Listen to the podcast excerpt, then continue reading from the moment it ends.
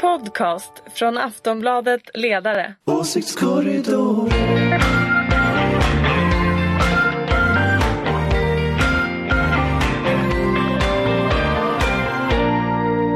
Hej och välkomna till Åsiktskorridoren denna svala majdag. Visst i Stockholm är det svalt. Eh, Åsiktskorridoren är en podd från Aftonbladets ledarredaktion. Eh, det är måndag den 13 maj när vi spelar in det här. Vi har just ätit lunch eh, och vi ska, det är två veckor till EU-valet. Det kanske inte direkt bubblar i debatten, men kanske puttrar lite grann. Vi ska prata om det och vi ska prata om vad som händer i svensk inrikespolitik. Är det samma sak kanske? Jag vet inte. Med oss har vi i alla fall Ulrika Schenström. Yes. Du är moderat. Yes. Och från Aftonbladets ledarredaktion har vi Jonna Sima. Ja, som det heter på svenska. Ja. Men vi försöker vara lite EU här kanske. Oui. Och Dan Svedin. Kul. De är också med i EU. Det glömmer man ibland, men det är de faktiskt. Och jag heter Anna Andersson. Eh, men vi ska börja med någonting som händer utanför maktens korridorer. Bensinuppropet 2.0. Eh, när jag kollade för någon timme sedan så hade man så nu 455 000 följare på den här Facebookgruppen som har startats. Alltså människor som protesterar mot det eh, höga bensinpriset. Eh, kommer gula västarna till Sverige nu? Är det det vi ser? Ja, eller också är det återigen det här underbetyget till partierna. Att var är engagemanget någonstans? Ja, det verkar ju inte vara i partierna utan i, på andra ställen som eh, Greta, hon drar väldigt mycket engagemang. Bensinupproret, väldigt mycket engagemang. Jag frågar mig vad vill, vilka partier drar åt sig väldigt mycket engagemang? Inte särskilt mycket. Det är mera bensinupprop och Greta än det är EU-valrörelse. Det kan man säga. Vi får väl se. De, ska väl ha, de skulle ju ha demonstrationer förra veckan men det blev inget uppror för de fick inget tillstånd. Vilket ju är oerhört svenskt och det har ju många noterat. Men vi får se att Jag tycker det är rätt och riktigt gjort. Man ska Absolut, inte... man ska verkligen. ska men det, är det är inte så mycket till upp. Det är inte storma Bastiljen direkt och vänta på. Nej, Liksom. de gula västarna vet inte om de har tillstånd för allt. Nej, allt tok de hittar på. Eh, men man får väl se någonstans. Jonna skrev en text om det tidigare. Om just Greta Thunberg. Alltså när blir det här liksom en gatu, gaturörelse på riktigt? De här unga um, klimataktivisterna. Och det visar sig att det, det var det på riktigt. Det var liksom inte bara hon och så några eh, influatörer som sitter och likar grejer om att man ska flygskamma folk. Utan att det, det, är blir liksom, folk som går ut det blir- svensk Precis, det blir fysiskt på riktigt. Liksom. Och det tänker jag att det är väl också beviset för en sån här rörelse. Att kan man komma ut på gatorna eh, då är det på riktigt. För det kan man ju säga med de här um, andra stora Facebookgrupperna som ofta är liksom främlingsfientliga eller rasistiska eller i den liksom um, tangentens riktning. Eh, att när de försöker arrangera saker så kommer inte människor. Det är väldigt små och pinsamma De brukar vara ungefär manifestationer. 12-15 Ja, precis. De står på Mynttorget och gapar och skriker om allt möjligt. Och det tycker jag, det är väl liksom beviset. Eller om de lyckas få ihop människor på riktigt, då är det här liksom Och det är upp till bevis rörelse. nu i veckan va? Har de sagt att de ska... Eh, Ja, det tycker jag. Mm. Eh, absolut. Men man undrar lite, jag är osäker på vad de har för agenda för gula västarna är så mycket en politisk rörelse. alltså det jag har slags- läst så är det, de, det är verkligen bensinpriset. De är väldigt noga med det. Att de vill Det är inte in någon invandringskritik. De vill inte, alltså, jag såg flera stycken som säger här, jag det är också är intressant. Inte, Så här, jag är emot på bensinpriset men jag måste ta avstånd till allting annat Ja, som men jag det är kommer bli påklistrad vad jag Ja. tycker. Det är nästan lite sjukt. Men det var lite sorgligt kan Men man jag- tycka. jag- jag men kom- de försöker faktiskt hålla rent. Och jag såg också någon som påpekade det känns skönt. som påpekade att så här, men jag, är- jag är också för en skärpt miljöpolitik men inte på det här sättet. Mm. Eh, Nej men för Ja. gula västarna, är, i Sverige så utmålas det ju ofta som så här ligister eller att eh, det bara handlar om bensinpris. Men det gör det ju verkligen inte. Utan det handlar om ökande klyftor. Att det inte går att leva på eh, sina låga löner eh, framför allt. Och det var ju därför till exempel Macron eh, gick in och höjde minimilöner och pensioner och sådär på ett bräde. Men det här, vårt bensinuppror verkar ju just vara fokuserat på bensinpriset. Och det kan man ju, eh, jag håller ju med om att det är väldigt högt. Eh, men samtidigt så är det, det är inte politiska förklaringar bakom allt utan de här världspolitiska som är bensinpriset och oljepriset helt enkelt. kronan som eh, har blivit lägre och eh, sånt som, eh, ja, som vi inte riktigt styr över. Visst. Så att ehm, det är Nej, svårt att, att måla ut syndabockar sådär Men jag kommer aldrig släppa min eh, liksom, käpphäst att de politiska partierna är för dåliga. Men är det något- och då blir något- det sånt här när inte engagemanget till exempel i ett parti eh, som till exempel Moderaterna som vill sänka bensinskatten. Jag har ingen aning om vilka nivåer, jag kan inte det. Men att det engagemanget som den här Peder eh, får inte är i ett parti och att man heller inte väljer att gå in i ett parti och vilja bidra till att eh, Alltså jag tycker det är, det är sorgligt samma sak med Greta, att Greta tar så otroligt eh, mycket män- människor som blir engagerade och det händer då inte i Miljöpartiet till exempel eller i Centerpartiet. Det där tycker jag är ett fenomen som jag tycker vi ser allt oftare nu. Det som mm, de är väldigt arga på, eller folk som kör bensinbilar, är ju att mm, för ett par år sedan så gjorde man en indexering med bensinskatten. Att den hela tiden följer med konsumentprisindex plus 2% Så att bensinskatten eh, ökar ju hela tiden mer än vad konsumentprisindex gör. Vilket man tycker då undergräver.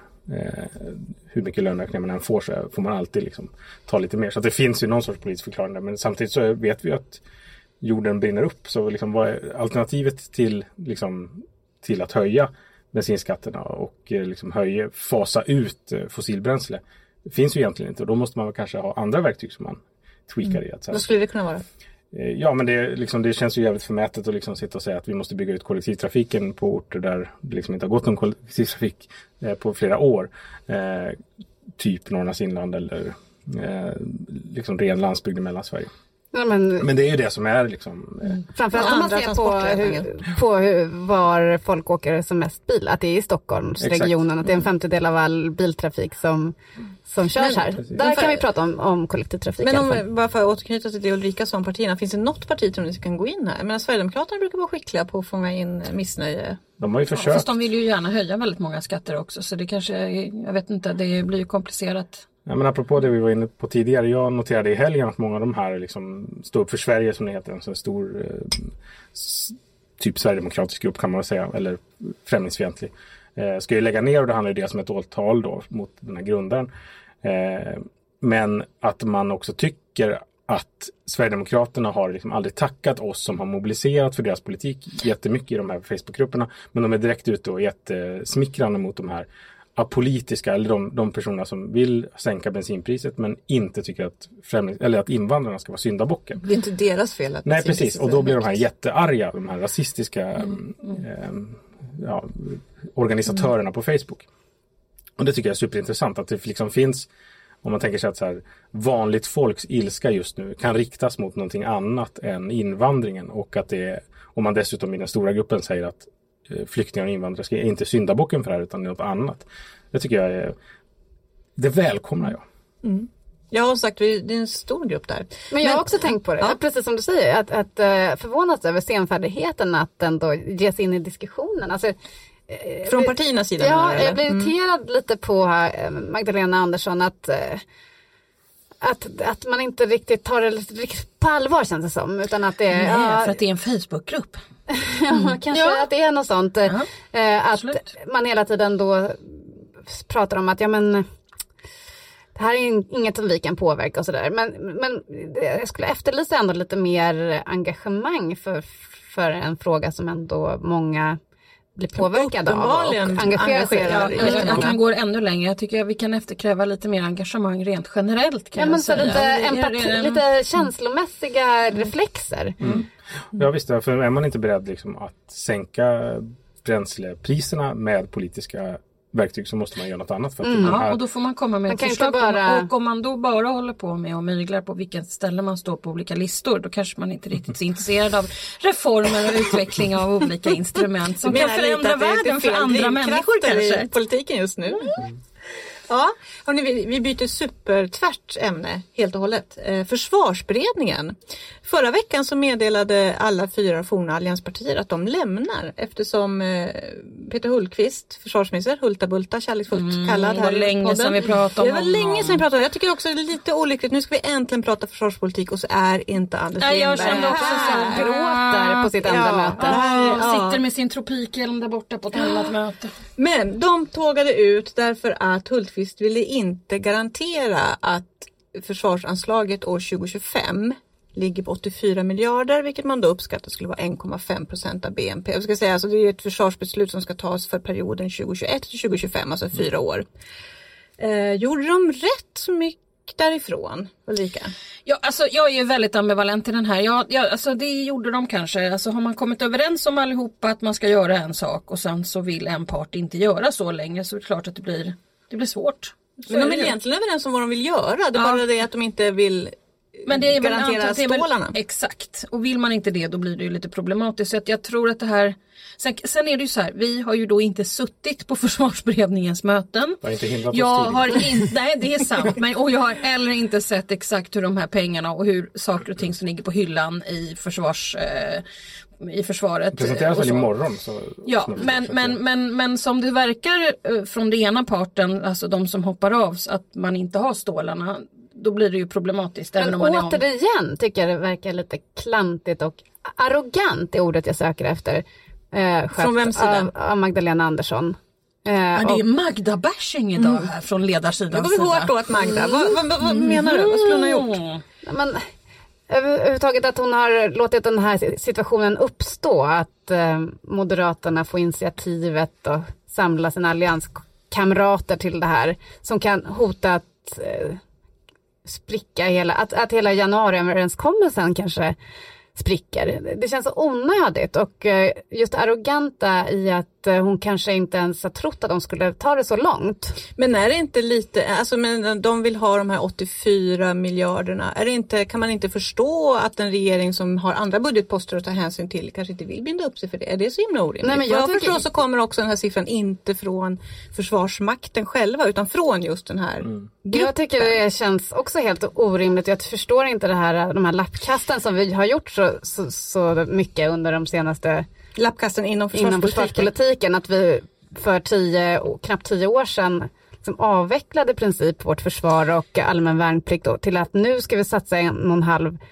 procent av BNP. Det är ju ett enormt lappkast. Men Ehm, jag får ju hålla med eh, Jonna om att eh, har man en, ett, eh, en januariöverenskommelse och har en ny eh, liksom, grund att stå på så är det klart att precis som man misslyckades i, i alliansen med att göra en, en, en regeringsöverenskommelse och ta regeringsmakten så handlar ju väldigt mycket om sånt här så handlar det ju om relationer och vilka relationer du har till de här olika partierna. Och då, då ska det inte egentligen bli så att man blir ovänner över den här olika stålar, punkt, äh, skålen utan att äh, hade man skött sina relationer bättre här så kanske inte hade blivit inte så. kring en så viktig fråga som vi annars brukar ha någon slags Nej men det är det jag försöker Man kan säga. släppa lite. Ja.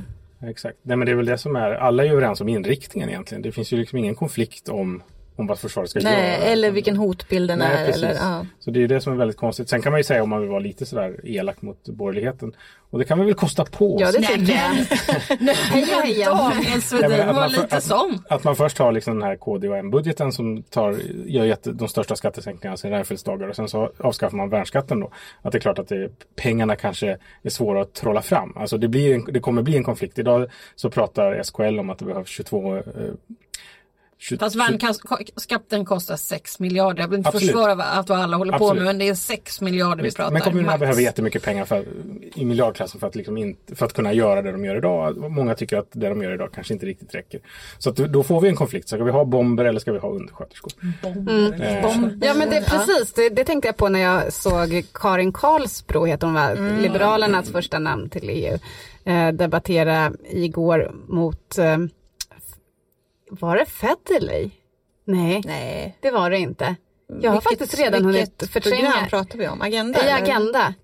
Ehm, Skam och sägandes, ingen har tittat på Agenda Jo, jag vet jag, om jag, jag- jag, jag, Jag, jag, jag, jag var på väg hem från England. Och du satt på ett flygplan.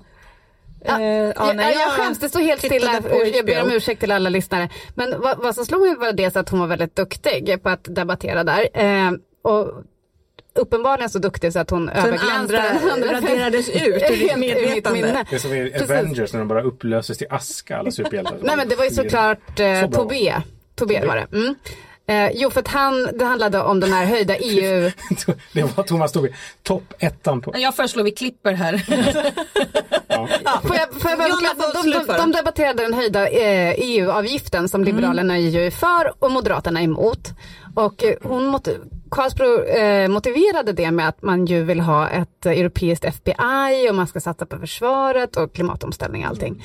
Då passar det med de här höj, höjd, en höjd avgift. Men med Mhm, på EU-nivå, skatterna här hemma skatter, så vill man ju ja. sänka skatter men samtidigt göra de här enorma satsningarna på Jag känner försvaret. att jag lite grann har tappat greppet om den här debatten redan. Jag, Ja, jag, förlåt, jag, jag, har en, jag har en spaning som är lite mer... Där Ursäkta att vi zoomade ut här under min, min utläggning. Jag har en liten span. Alltså, att det här händer samtidigt som Moderaterna har öppnat för att hoppa över, en, över energi, ö, energiöverenskommelsen tycker jag ändå är rätt spännande. Att vi har liksom en försvarsberedning som just nu samlar ungefär 60 procent av landets partier då eftersom det är SD, S, V och MP kvar. Vilket gäng. Ja, och det är inte liksom 90 procent som det brukar vara. Eh, De två största partierna i Sveriges eh, Alltså de traditionellt två största partierna samlar ungefär 40-45 procent av väljarnas röster. Allting håller. Moderaterna ska hoppa över, över av en- energiöverenskommelsen. Försvarsberedningen kollapsar. Liksom mitten rasar ihop. The center will not och, hold. och de, enda, de enda som kommer stå upp för allting till slut, det är Socialdemokraterna som säger vi har ett avtal. Medan alla andra bara är ute och river vet, sönder. oavsett vem som är den som bär ansvaret för det här med försvarsberedningen så är vi åter tillbaka i en av mina käpphästar. Vilken är det? Det är bara en stor lekstuga. Jaha, Jag bara tänkte säga det reformer, trodde jag. Jo, lekstuga. Istället för att ta ansvar tillsammans och leverera Men jag, jag undrar om det är reformer. läxor. Jag tror att liksom, Alltså det här med, jag vill inte för- vara med längre, jag vill inte vara med längre, jag hoppar av. Lite Miss Piggy om någon minns henne. Eh, det är inte att ta ansvar utan det är ett spel. Sen kan man ibland behöva göra ett spel för att mota någonting så att det blir reformer. Men oftast så är det kanske bra att vara med och ta ansvar. Jag undrar det. Alltså, Alltså det tror du inte?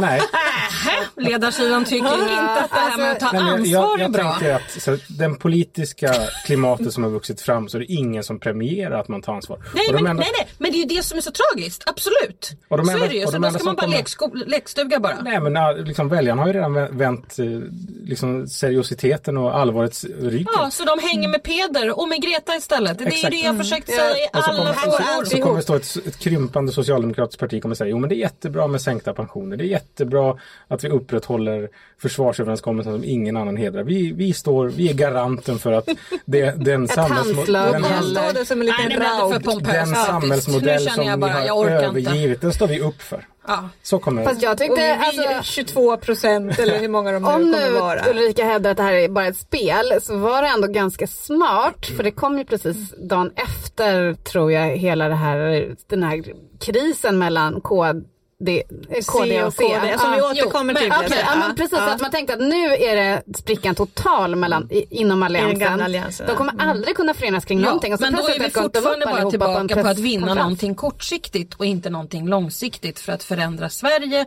för andra människor som bor här. Utan i så fall att vinna någon slags procent i opinionen kortsiktigt. Det är det jag försöker säga. Vi har fel typer av politiker.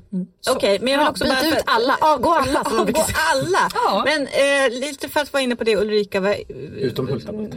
Ut, han, får, Han får- Nej, han är ju en nyckelperson här. Han naglar sig fast.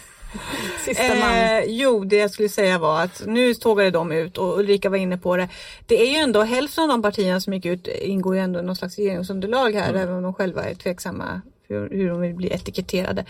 Och vad jag förstår så måste man ju börja sätta undan pengar redan nu för att kunna fatta ett beslut 2021, det vill säga före valet. Så att tanken, regeringens tanke måste ju vara att de ska kunna göra en budget tillsammans med C och L varje år fram till Mm, nästa ja, val. Visst. Och hur, hur kommer det att gå? Är inte det här well played Moderaterna får man säga? Är inte det här ett sätt för dem att liksom försöka paja hela regerings... Eh, Ja, men till, till, jo, men till, vilken, till, till vilket syfte och till vad? Ibland är det ju bra att vända sig inåt och inte förhålla sig till andra utan vända sig inåt, bestämma sig för vad tänker jag göra för att förändra eh, världen i den riktning som jag vill. Och om man då hela tiden förhåller sig till andra då kommer ju det inte det fungera. Men vill de inte att regeringen Löfven ska avgå helt enkelt i förtid? Jo, men man måste ju då också ha väldigt mycket gedigen reformpolitik på plats För att annars så ska man då in i regeringskansliet, börja förhandla och då börjar vi titta tillbaka på hur regeringen 91 till 94 i borgerligheten eller 70-talsregeringarna när man går in, man börjar förhandla, alla avgår och sen är det över. Och sen kommer det här 20 partiet att ta över och låtsas att de har 45% och sen är ordningen återställd. Så om Så jag det var så tanken här- så tyckte inte du att det var så himla smart? Jo men det kanske det var men allt de här grejerna är väldigt kortsiktiga saker man gör. Jag tror att vi behöver politiker som är väldigt långsiktiga. Och då menar jag inte bara långsiktiga i, i sin syn på ehm, eh, idépolitik utan då pratar jag om reformpolitik. Det är därför du tycker det är väldigt bra att Moderaternas idéprogram inte ska, vara klart för, förrän 2021. Nej men jag tycker att det är jättebra att ha ett idéprogram på plats. Nu är inte det här det vi ska diskutera. Men, jag bara, men absolut jag kan svara på frågan. Ja jag tycker det är jättebra. Men det får ju inte ta plats bara utan att man har en reformpolitisk långsiktig, mellansikt och kort sikt. Och det tror jag man bara, alltså när vi höll på och snickrade ihop eh, 2003 till 2006 något som sedan kom att kallas för de nya moderaterna så förhöll vi oss faktiskt inte till ett enda annat parti utan vi förhöll oss bara till de samhällsproblem som vi ansåg Lite vara. till Socialdemokraterna får man Nej väl det var ju det vi inte gjorde. Mm. Nej men helt seriöst, alltså, nu blir jag nästan lite irriterad för att Göran Persson skrev ju till och med rätt många bra artiklar där han hoppade på oss och debattredaktörerna ringde till mig och undrade om inte vi skulle svara. Och jag sa vi är inte intresserade av att svara. Hey, I'm Ryan Reynolds. Recently, I asked Mint Mobile's legal team if big wireless companies are allowed to raise prices due to inflation. They said yes. And then when I asked if raising prices technically violates those onerous two year contracts, they said, What the f are you talking about, you insane Hollywood ass? F- So to recap, we're cutting the price of Mint Unlimited from $30 a month to just $15 a month. Give it a try at mintmobile.com slash switch. $45 upfront for three months plus taxes and fees. Promo rate for new customers for limited time. Unlimited more than 40 gigabytes per month. Slows. Full terms at mintmobile.com. Så att vi svarade inte. Och eh, det blev väldigt upprört på Där stod Göran statsrådsberedningen. Persson med Skägget i näsan. brevlådan. Ja. Ja, Jag, tror att, jag, menar, jag, jag försöker make a point här att det är faktiskt väldigt viktigt även för Socialdemokraterna att gå in till sig själva och fundera på hur ska arbetarrörelsen arbeta i framtiden? Hur ska den se ut om 20 år? Vad har vi för reformer vi behöver göra så, som, så att den sikt vi har, vad kan vi tillföra för att förändra för andra? Så att det förbättrar livet och villkoren för svenska folket. Men om vi tänker både på kort och lång sikt, vad kan Peter Hultqvist göra nu? Eller är det Magdalena Andersson som ska göra något för att rädda försvarsberedningen? Går det? Vad tror ni? Jag tror att, att det måste till något sånt, tyvärr. För att, Vad måste till? Ja, att man måste lösa det här på något vis. I alla fall få med C och L tillbaka till förhandlingsbordet. Ehm, men eh, det är klart att det är, enormt mycket pengar och då kommer det bli ännu mindre satsningar på, eh, på jämlikhetsreformer som Socialdemokraterna någonstans väl inte får släppa helt. Men, Nej, och det viktiga är ju att man, man gör ju saker utefter någon slags ordning vad man vill prioritera. Och, och är det så att man prioriterar försvaret, ja, då måste man ju lägga ner mera kraft på att försöka få ihop Då det. måste man prioritera Men försvaret. det kanske är så att man inte prioriterar försvaret så pass mycket utan prioriterar någonting annat. Eh, en ny skattereform kanske, en bred sådan, det kanske är någonting andra saker jag inte just nu sitter och tittar på. Kanske bostadsfrågor, det kanske är skolfrågor, det kanske är vården, man kanske tittar på någon förändring av regionerna. I don't know. Men är det inte... Men, men det måste man ju också då informera därför att det blir väldigt popcorn ad hoc. Att här pratar vi den här veckan om försvarsberedningen. Men inte i paritet till vad annat som vill göras i det här Vad annat landet. pengarna kan gå till. Exakt. Ja, men apropå det med, med skattereform så kan man haka i det. Imorgon så kommer vi kan bjuda på lite exklusivt material. Så föreslår vi en värnskatt för försvaret. Att de människorna som har haft det allra bäst under de här senaste 20 åren och fått eh, sänkta skatter till höger och vänster. Att vi inför en ny sorts värnskatt där de får med och betala för, för Det ska öronmärkas? Ja, försvarets finansiering. En värnskatt i dubbel bemärkelse. Det låter nästan som att man ska spara in, samla in pengar till en pansarbåt 20, Ja. 1914. Men Borgerligheten Göran, har vet det- du vad du kan göra? De kommer ta- Ett Facebook-upprop. Det skulle jag kunna göra. Det kan du väl göra va? Nej, det, det tycker jag är mycket kreativ svenska höginkomsttagare kommer med stolthet och glädje Så kan du ha en stor manifestation om två veckor eller något. Ja, ja. Men hörni, eh, hur viktigt är det med liksom en inrikespolitisk enhet i försvars och säkerhetsfrågorna? Är inte Jätte, det? jätteviktigt. jätteviktigt. Det är första Alltså väldigt, väldigt, väldigt Ja, viktigt. är inte det liksom... Jo, och det är, därför, det är därför alla måste ta ansvar. Alla måste kamma sig helt Ja. enkelt. ja, men, ja. Shape up. men det känns som att eh, nu handlar allting, all, alla, alla går och springer åt samma håll. Att det ska vara upprustning, upprustning och eh, det är lite fartblint. Men nu är det ju så här. Ja, men det finns ju enighet om höll på att säga. Ja, Alltså, ja, men det, det gör ju det. Det är inte där diskussionen nej, står. Nej, men det, är- det är lite vad som ska göras. Jag förstår. Kan jag Nej, tycka. Men det får jag tycka på min kammare. Ja, Ja, precis. det kan ju du tänka. Jag säger som Greider, satsa mer på brandförsvaret. Civilförsvar. Egentligen behöver ju allting mycket, mycket mer pengar. Allt behöver mer pengar. Och Jag med. Och, skatt- och skatterna de ska öka. Vill ha sänkt skatt John? Är det du säger? Högre lön tack. Hörrni, vi byter eh, ämne igen. Vi lämnar försvarspolitiken. Vi lär få skäl att återkomma så småningom. Ja, det, ju, det blir ju klart imorgon så då vet vi ju. Ja, precis. Jag hoppas att ni lyssnar de närmaste 12 timmarna för att sen är det för sent. Eh, jo, EU-val som sagt var. Det är 13 dagar kvar. Eh, och det stora som hände förra veckan var att herregud vad Centerpartiet och Kristdemokraterna rök ihop. På Aftonbladets debattsida. Ja, på Aftonbladets debattsida så började det med att Fredrik Federley som är Centerns toppnamn skrev att KD tvekar i valet mellan liberala värderingar och dikta- diktatursfasoner. Och det här fick förstås hela KD att fullständigt gå i taket. Och Ebba Busch Thor gick hårt åt Annie Lööf i den partiledardebatt som var eh, dagen därpå eh, i, i riksdagen. Eh, varför formulerar sig Federley så spetsigt? Han vet väl precis vad han gör? Ja, nej, Ja, har- man vill ha en polarisering mellan dem och KD. Och eh, Johan Ingerö went bananas och... Eh, Ja, hela partiet. Ja absolut men den, stu, den P1 morgon-intervjun, debatten, den Episk. var episk, det vill jag säga.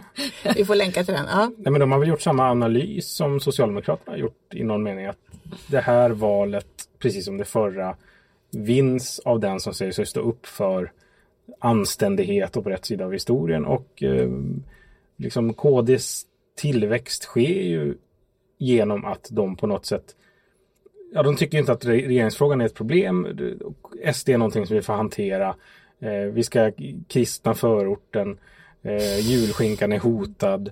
Eh, och så, liksom den. Och det, Feminister. Ja, precis. Och sen, kvinnohatare. precis. Och, nej men, att man kortsluter också. Så SD behöver inte vara exponenten för den liksom, tendensen utan den kan vara KD. Det, för det var nämligen min nästa fråga. Varför dömer man på Kristdemokraterna så hårt och inte Sverigedemokraterna som ändå står mycket tydliga för de här idealen som Om jag, från ett vänster, om jag från ett vänsterperspektiv, jag vet inte om det är exakt så som Centern har resonerat, men jag tänker så här, man, om man attackerar Kristdemokraterna så gör man ju, så jag, skulle, jag tänker så här, eh, man bidrar till att alliansen inte kan återuppstå med enkelhet liksom i sin helhet.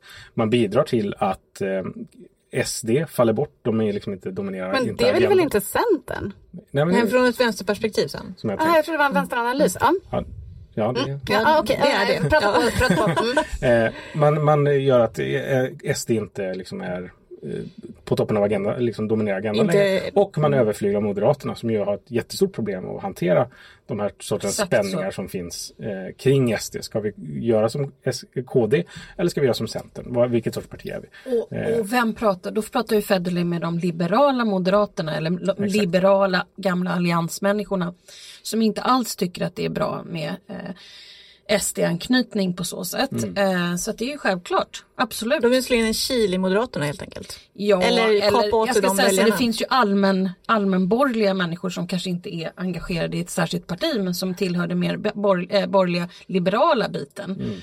Eh, och, ja. Och sen, det finns ju 3% folkpartister fortfarande som man, som man kan äta upp. Eh, som säkert kan tilltalas av det här i någon Men allting jag, är tror ju inte bara det, jag tror inte bara att det är det, jag tror, tror att det är polariseringen i sig. Absolut, nej, men, Eh, att Ja, man man, ska säga, man ska ju också säga it takes two to tango som Just man det. säger. För att Skyttedal i, i en eh, DN-intervju för, för ganska länge sedan nu så fick ju den här frågan som ju alla tycks få nu för tiden om man föredrar Macron Nej, eller men om det man är föredrar deras, Orban. det är en speciella EU-intervjuer. Så Ja. får alla samma fråga. Ja och då så kunde ju inte, då svarade inte hon, Hon genast inte Macron. Nej men exakt. Och hon är ju precis som Federley, hon vet ju precis vad hon Och då gör, blev eller Fredrik hur? Fed- Federley väldigt upprörd. Ja. Ja, men det var, eh, jag vill också Vad var jag- taktik då? Nej, men jag vill bara poängtera att det här handlar inte bara om ett spel. Jag tror att det är många som delar Federleys oro över KDs utveckling. Absolut. Eh, som ser vad som håller på att hända i, i det här partiet. Som kan bli upprörda när Sara Skyttedal inte reflexmässigt kan säga vem man föredrar av Viktor Orbán i Ungern eller Emmanuel Macron i Frankrike. Ehm, men också hur de eh, har röstat i, i kvinnors rätt till sina egna kroppar inom EU-parlamentet eller eh, hur KDs vice ordförande Lars Adaktusson har deltagit i konferenser med eh, anti-homo-lobbyister och eh, eh, ja, som är motståndare till kvinnors rättigheter och så vidare. Så det, det, det är inte något, bara spel utan det är en uppriktig oro som man undrar ja, vilken väg är de har slagit in på Men egentligen. det är exakt så. Men det här är ju då det vi har pratat om så många gånger. Det är den berömda Galtan-skalan här. Stockholms innerstads allmänborgerliga människor tycker inte alls om den här inriktningen som KD har, håller på med till exempel.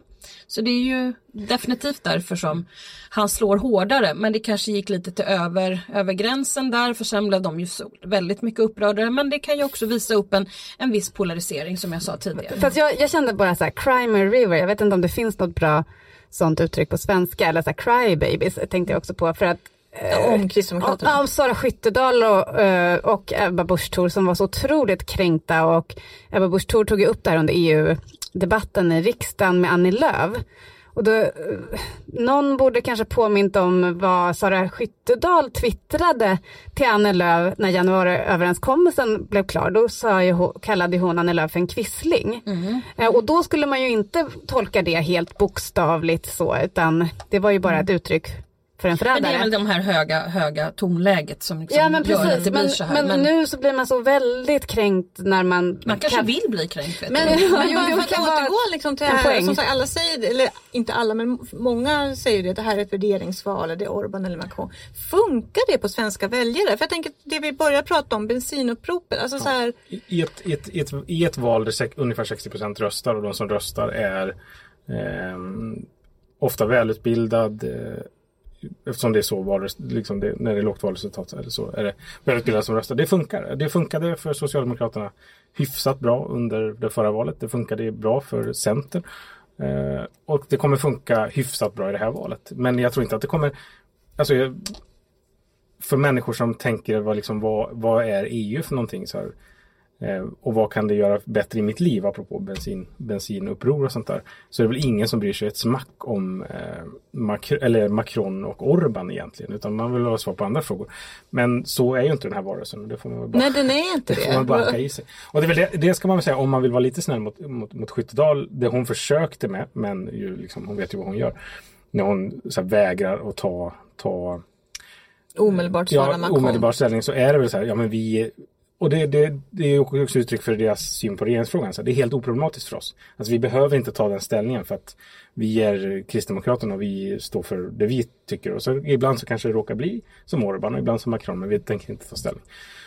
Eh, det är väl det hon försöker göra. Eh, och det är ju ja, naivt såklart och konstigt för att det betyder någonting. Men de har liksom ett helt, de har inga problem med Men det här med att skrämma med nationalist och nationalism och så, det verkar ju funka sådär ändå. Alltså jag såg, Aftonbladet publicerade en initio igår på, inför EU-valet och då var det ju Sverigedemokraterna har ju gått fram enormt mycket. De ligger enligt en mätning på 17,9 procent. De hade 9,7 i senaste valet 2014. Det är en ökning med 85 procent. De Men- men- går ju men- ofta väldigt bra i Nitio kan man tillägga. Ja, men, Ja, sen är det väl, men sen är det väl också så att det där är väl ungefär det de har nationellt. Så att det, Mm. jag, jag tycker att de här mätningarna är, är lite svåra att bedöma med tanke på att folk får frågan vad ska du rösta på i EU-valet. Jag tror inte folk svarar EU-valet utan jag tror de svarar ut efter vad de tänker rösta på om det hade varit val idag. Jag tror inte man kan göra en jättestor skillnad om jag ska vara riktigt ärlig. Så att de ligger ju egentligen på det som de ligger på nationellt och många av de andra partierna också om jag ska vara riktigt ärlig. Men för, så får man ändå säga i så fall så vore det väl ett, ett glädjebesked till Miljöpartiet. För jag tänkte säga så här, de backar men de, är, de fick ändå 9,6 procent i den här Ja. inition. Det Så har jag, väl man inte tror riktigt inte man ska i... jämföra med vad de Nej, fick fast- för fem år sedan för det ser väldigt konstigt ut. Jag tror att det är samma sak med Moderaterna som ligger runt där. Har inte den siffran. Eh, nej, men runt 15 eller någonting sånt där. 15 brukar det vara. Ja, och det är väl ungefär någonstans mellan 15 och 17 eller något sånt där man ligger på nationellt i de andra mätningarna. Men däremot kan jag också tycka att, eh, att det är för stort fokus på, på det här eh, främlingsfientliga framgångarna i, i, runt om i Europa. Att, att, bara, att, att EU-valet bara skulle handla om högerextremism.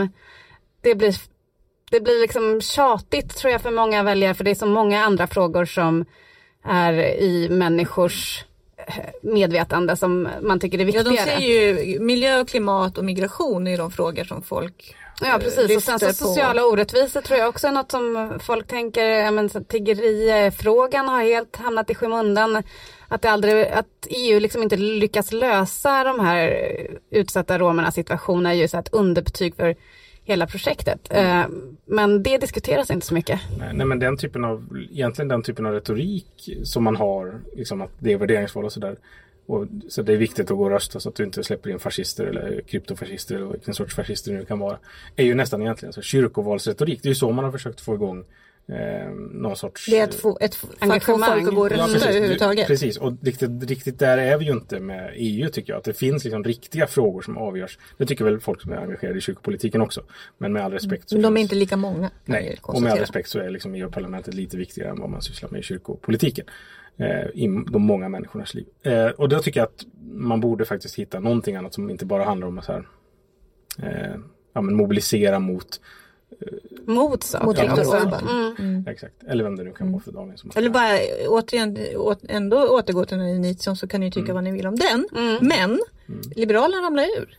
3 procent. Jag tror de kommer ryka faktiskt. Tror du att de kommer ryka? Tror, vad tror ni Ulrika? Tror de blir... Nej, jag tror inte det för jag tror att de kan Du mobilisera. tror de hasar sig upp över spärren som är 4 Ja, procent? eftersom de just där? ligger där de ligger så tror jag faktiskt att de är sådana som faktiskt går och röstar. När det kommer till Sverigedemokraterna så tror jag väldigt många Sverigedemokrater inte är intresserade av EU-frågor och inte vill hålla på med EU. Så att de har nog svårare att mobilisera sina skulle jag säga. Ja, nej, men de har så lite att, samma eh, det som- handlar om hur de mobiliserar de här partierna under de här närmsta två veckorna. Ja, Liberalerna har ju också en väldigt röstbenägen väljarskara. De- Det är de som pallar sig iväg Och till de lokalerna. skulle också kunna få en del eh, allmänborgerliga liberaler i storstadsregioner det lite som tycker att det kanske, är eh, viktigt med positiva eh, syn, Ja, det- positiv det- syn på precis. EU. Det var faktiskt det som slog mig i den här Agenda-debatten med Karin Karlsbro. Som jag, där, eh, jag tyckte verkligen att hon eh, klev fram och eh, visade vem hon är så att det är faktiskt en intressant kandidat. För hon hade en väldigt eh, positiv eh, syn på, precis som du säger, syn på EU som var ganska uppfriskande att höra. Att det inte bara handlar Ja, om Moderaterna har väl lite börjat svänga i det också. De har ju alltid varit också väldigt EU-positiva. Precis, men- Ja, Men jag läste bara- ju nu när jag kom hem då igår så, så, så läste jag den stora intervjun med Carl Bildt och Anna Maria Corazza Bildt i DN. Måste ju säga att det var ju en eh, reklamplats eh, som jag inte har sett tidigare så att eh, jag får återigen upprepa att det är ju synd att man förlorade den kandidaten. så att säga. Eh, man tänker så här fyra sidors uppslag på TV, eh, DN lördagsbilaga om Två paret. Bildt som är Europavänner som träffades i Europa. Du vet, ja, det, ja, det var rätt tjusigt. Thomas Tobé, han, eh, blir han är ju bara gnällig, förlåt men eh, jag tycker att han bara pratar om, om eh, brottslighet och invandring, det är bara det och just att han låter väldigt Hej då negativ. stöldligor som de har som Ja, hej då stöldligor, precis det är ett väldigt negativt budskap som, som jag vet inte om hur det kommer gå hem Johnny, egentligen. du, tror du att Liberalerna blir kvar i EU-parlamentet? Ja, i och med att jag tror att ehm, på deras ändå väljarskara som, som gillar EU, som, eh, som kommer gå iväg och rösta för 60 procents röstdeltagande tycker jag ändå låter lite optimistiskt. Men det kanske blir så många. Ja, det var 57 eller något sånt låg det på förra gången tror jag. jag rundar sånt, uppåt. Ja, jag rundar uppåt. Eh, det får bli, om två veckor vet vi skulle jag säga. Det får bli det sista vi säger för den här gången. Nu rundar vi av. Tack så mycket Ulrika Schenström, Jonna Simo och Dan Svedin. Vi hörs. Ha en fin vecka. Ha en bra, bra vecka. Hej hej. hej, hej.